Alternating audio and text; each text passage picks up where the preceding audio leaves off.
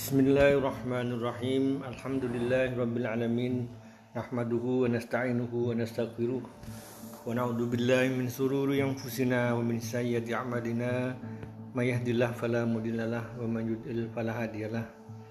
Asyhadu an la ilaha illallah wa la syarika wa asyhadu anna Muhammadan abduhu wa rasuluhu la nabiyya ba'dah.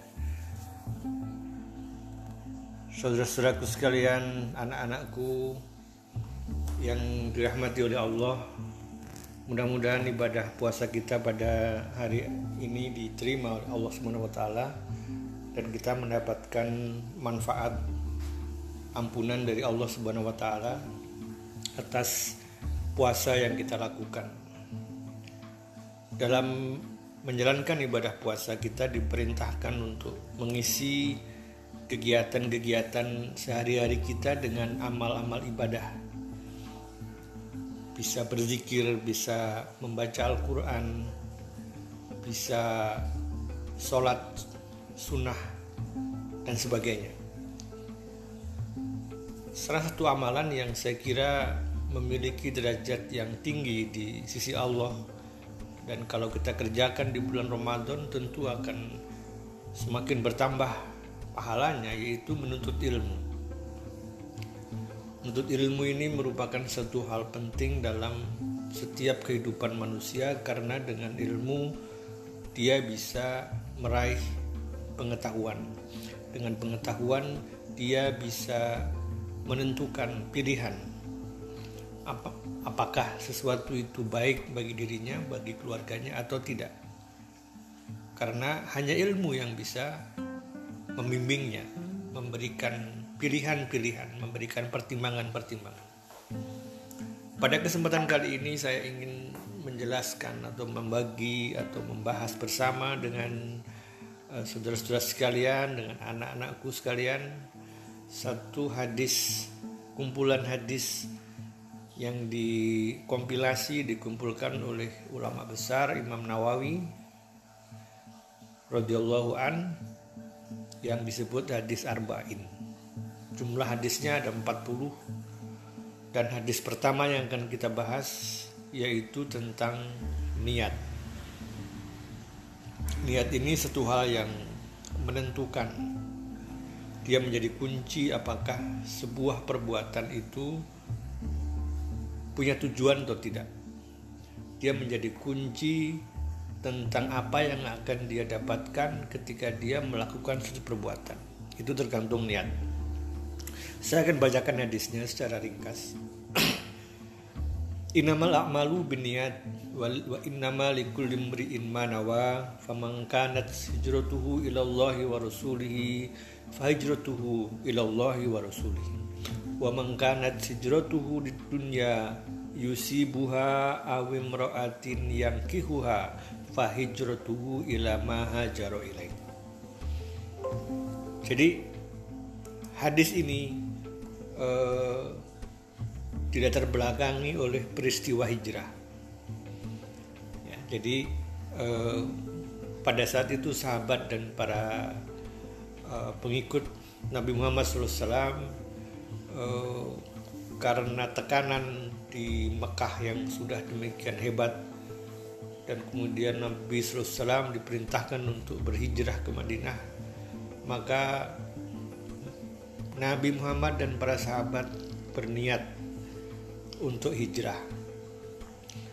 Nah, rupanya ada sahabat-sahabat atau ada pengikut Nabi yang hijrahnya bukan karena lillahi ta'ala.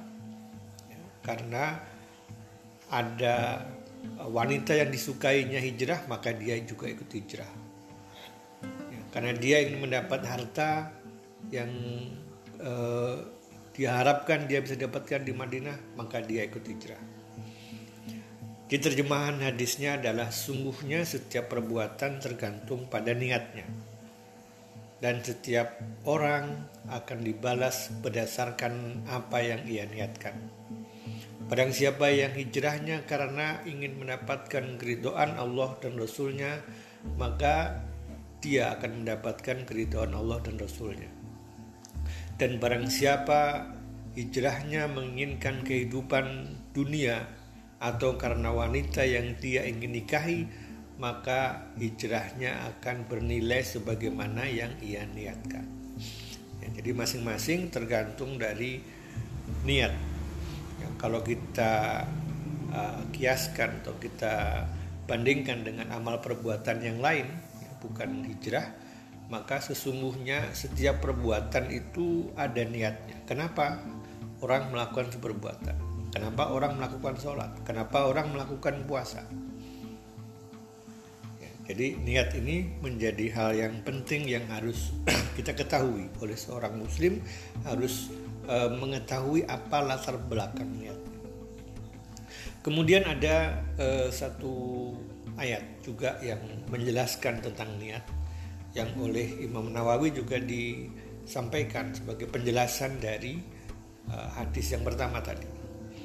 Ayatnya panjang saya akan bacakan uh, terjemahannya saja yaitu surat Al-Baqarah ayat 177 Bukanlah menghadapkan wajahmu ke arah timur dan barat itu suatu kebajikan akan tetapi sungguhnya kebajikan itu ialah beriman kepada Allah. Hari kemudian para malaikat kitab-kitabnya para nabi memberikan harta yang dicintainya kepada kerabat, anak-anak yatim, orang-orang miskin, musafir yang memerlukan pertolongan, dan orang-orang yang meminta-minta dan memerdekakan nambah sahaya, mendirikan sholat, menunaikan zakat, dan orang-orang yang menepati janjinya apabila ia berjanji, dan orang-orang yang sabar dalam kesempitan, penderitaan, dan dalam peperangan. Mereka itulah orang-orang yang benar imannya, dan mereka itulah orang-orang yang bertakwa. Ini terkait dengan e, pemindahan kiblat. Jadi ayat ini turun berkaitan dengan pemindahan kiblat. Waktu itu ada perdebatan yang cukup hebat di kalangan para sahabat dan orang-orang kafir Quraisy ya, tentang e, arah kiblat. Dan di sini Allah menegaskan bahwa bukanlah wajah kita menghadap kiblat yang mana, ya, tetapi niat dalam diri kita untuk melakukan kebajikan. Itulah yang dinilai oleh Allah. Bukan ke mana kita menghadap uh, sholat ya, tapi sekarang setelah ditetapkan kiblatnya ke Mekah maka tidak boleh kita mengarahkan sholat kita ke tempat yang lain karena itu merupakan suatu syarat sahnya sholat bagaimana dengan pendapat uh, para imam ya, para tokoh agama para ulama Ibnu Taimiyah dalam kitab Maj Majmu'atur Rasaili Kubro beliau membahas tentang niat. Ya, beliau mengatakan Ibnu Taimiyah mengatakan tempat niat itu di hati. Tidak perlu diucapkan lisan. Ya, ini berdasarkan kesepakatan para imam muslimin dalam semua ibadah bersuci, sholat, zakat, puasa, haji, membebaskan budak, berjihad, dan yang lainnya. Semuanya niatnya di dalam hati, tidak perlu diucapkan. Jika lisannya mengucapkan berbeda dengan apa yang ia niatkan, maka yang dianggap sah itu adalah yang di dalam hati, bukan apa yang dia lafatkan. Ya, jadi eh, uh, yang penting, yang lebih penting adalah niat di dalam hati, bukan yang kita ucapkan. Walaupun ia mengucapkan dengan lisannya bersama niat dan niat itu belum sampai ke dalam hatinya, maka ini belum mencukupi. Jadi kalau hanya ucapan lisan saja tapi belum sampai kepada hatinya, maka itu justru belum mencukupi. Tetapi dalam hatinya sudah ada niat, belum terucapkan itu sudah mencukupi. Jadi sesungguhnya niat itu adalah tujuan dan kehendak yang tetap. Jadi setiap orang punya alasan, punya motivasi. Itulah niatnya. Kemudian e, Ibnu Qayyim Az-Zaujiyah. Jadi beliau mengatakan niat itu artinya menyengaja dan bermaksud sungguh-sungguh untuk melakukan sesuatu. Tempatnya di dalam hati dan tidak ada sangkut pautnya dengan lisan Ya, jadi sama dengan Ibnu Taimiyah. Ya, tidak pernah diberikan contoh oleh Nabi SAW dan juga para sahabat mengenai lafat niat. Jadi nawa itu dan sebagainya usoli itu tidak pernah ada contohnya dari Rasulullah SAW. Kemudian ada ulama, ulama lain yang membagi-bagi niat ya, berdasarkan jenis. Jadi ulama ini mempelajari beberapa amalan dan kemudian tujuannya apa. Yang pertama niat untuk meraih keinginan tapi lupa dengan apa yang Allah berikan. Ya, jadi ini niat yang uh, yang salah, ya, niat yang uh, tidak diterima. Jadi dia berniat untuk meraih keinginan tapi tidak disesuaikan dengan kehendak Allah, dengan syariat Allah. Niat untuk melakukan kejahatan, niat untuk memperoleh harta tapi dengan cara yang yang haram dan sebagainya.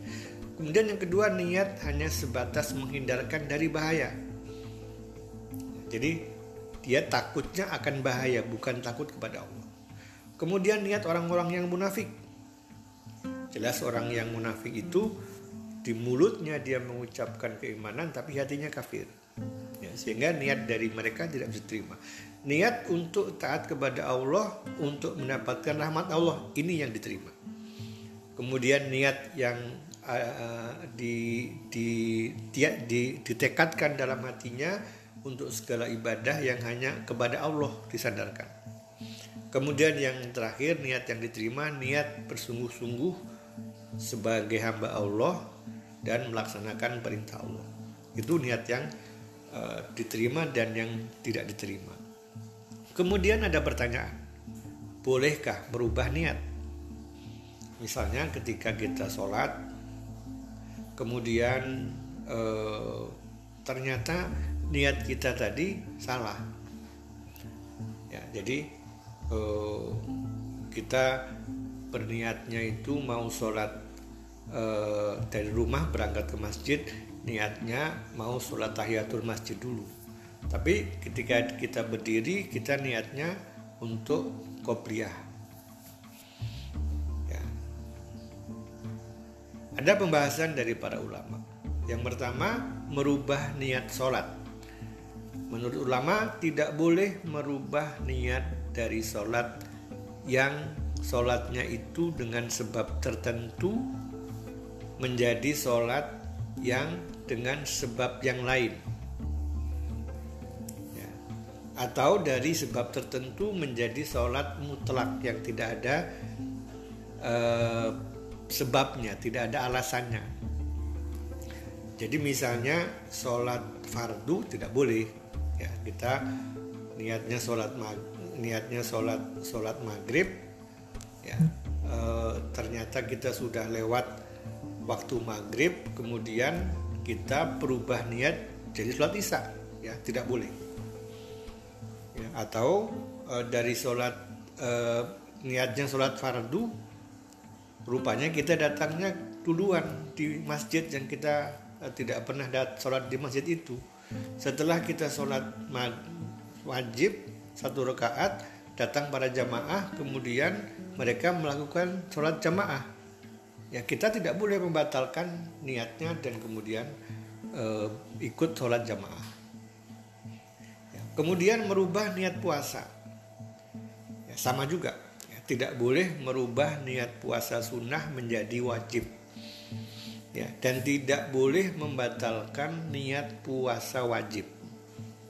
Ya, jadi kalau puasanya wajib, puasa Ramadan, puasa kodok itu harus dituntaskan, tidak boleh dibatalkan niatnya kecuali dengan uh, alasan yang syar'i ya sakit ataupun dan tiba-tiba dia harus ada perjalanan di tengah hari ya maka dia boleh uh, membatalkannya karena ada alasan yang syar'i tapi kalau tidak maka tidak boleh merubah atau membatalkan niat puasa wajib. Tapi kalau puasa sunnah boleh dibatalkan ya, boleh di uh, merubah niat puasa sunnah boleh. Kemudian menggabungkan niat boleh apa tidak karena eh, ini menjadi pembicaraan para ahli fikih ya.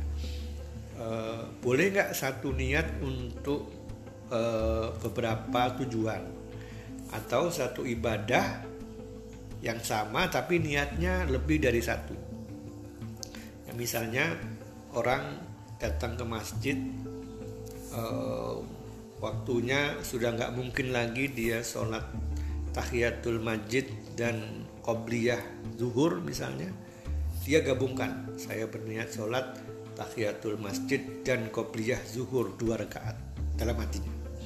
Nah, maka itu boleh dikerjakan. Nah, jadi justru ini menurut Ibnu Qayyim adalah suatu intisari dari orang-orang yang berilmu. Ya, jadi awalnya yang menyimpulkan ini atau yang yang membahas ini adalah orang-orang yang berilmu.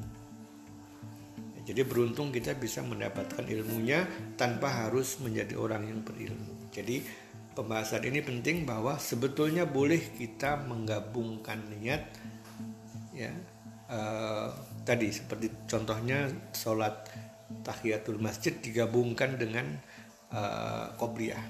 ya, atau ketika kita biasa puasa Senin Kamis kemudian di situ uh, dia juga biasa puasa Daud.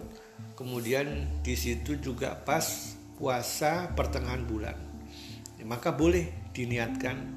Bahkan kalau tiga puasa tadi terjadi di hari yang sama boleh. Ya, di hari Senin itu adalah dia niat puasa Senin Senin Kamis dia berniat puasa Daud dia juga meniatkan untuk puasa pertengahan bulan.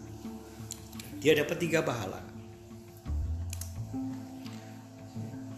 Kemudian eh, ini kita harus melihat kaidah fikihnya. Ya, kaidah fikihnya terkait dengan penggabungan niat tadi.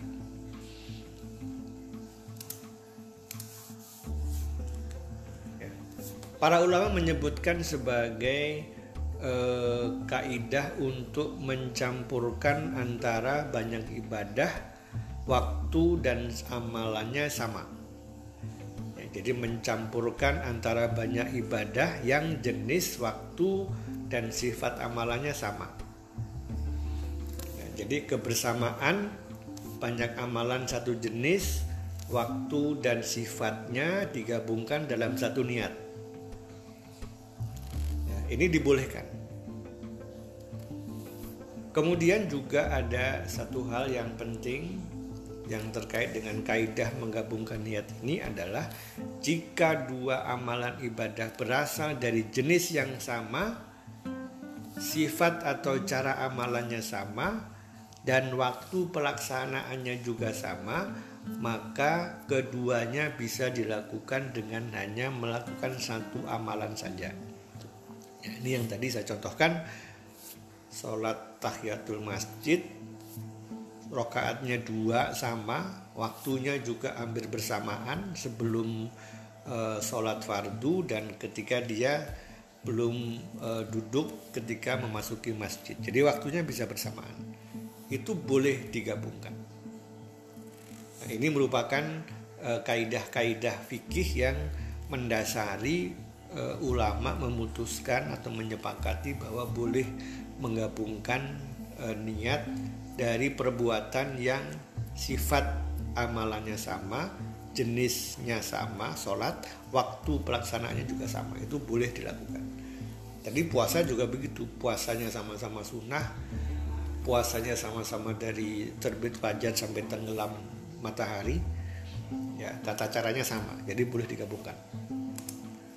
Contohnya apa? Ini tadi sudah disampaikan ya. Jadi puasa Senin dan puasa Asyura yang tepat pada hari Senin. Keduanya sama-sama sunnah, sifat cara pelaksanaannya sama, sama-sama menahan diri dari pembatal puasa, dari mulai puasa sampai berbuka. Maka dengan melakukan satu kali puasa Senin, ia sudah mendapatkan dua pahala sekaligus ketika dia meniatkan ya ini pentingnya niat niatnya melaksanakan puasa untuk puasa Senin sekaligus puasa Asyura. Puasa Asyura. Kemudian ketika masuk masjid setelah azan orang disunahkan melakukan dua rakaat tahiyatul masjid dan dua rakaat surat sunnah qobliyah. Tadi sudah jelaskan. Jadi waktunya sama tata caranya sama rokaatnya sama boleh digabungkan. Jadi eh, betapa eh, mudahnya pelaksanaan syariat Islam itu dan ada beberapa kunci-kunci yang menyebabkan dengan eh, kalau kita tahu kunci itu dengan melakukan satu perbuatan dengan kuncinya kita meniatkan untuk dua dua tujuan itu diperbolehkan. Nah, jadi kita nggak perlu niat eh, apa namanya sholat tahiyatul masjid kemudian setelah itu buru-buru niat sholat qobliyah. Ya karena waktunya mungkin tidak mencukupi. Ya, kalau kita nggak tahu kita hanya berniat untuk tahiyatul masjid dan kita tidak dapat pahala qobliyah. Ya, atau ketika dia memilih e, qobliyah dia nggak dapat pahala tahiyatul masjid. Karena nggak diniatkan ya, sama juga dengan puasa tadi. Pada waktunya bersamaan tapi dia hanya meniatkan untuk satu jenis puasa saja. Ya, jadi dia hanya mendapatkan satu pahala tidak mendapatkan dua pahala. Ya, jadi dengan ilmu kita bisa tahu itu. Jadi kenapa pentingnya menuntut ilmu adalah supaya kita e, bisa me, menambah kualitas ibadah kita. Kita bisa menambah pahala karena dengan melakukan perbuatan yang sama kita mendapatkan dua pahala. Demikian mudah-mudahan eh, penjelasan singkat ini bisa menambah motivasi kita untuk eh, belajar, untuk menambah ilmu dan mudah-mudahan bisa menambah pahala kita dan meningkatkan derajat kita di sisi Allah Subhanahu wa taala. Karena eh, orang yang berilmu itu akan dinaikkan derajatnya dibandingkan dengan orang yang lain. Subhanaka Allahumma wa bihamdika asyhadu an la ilaha illa anta astaghfiruka wa atubu ilaik. Assalamualaikum warahmatullahi wabarakatuh.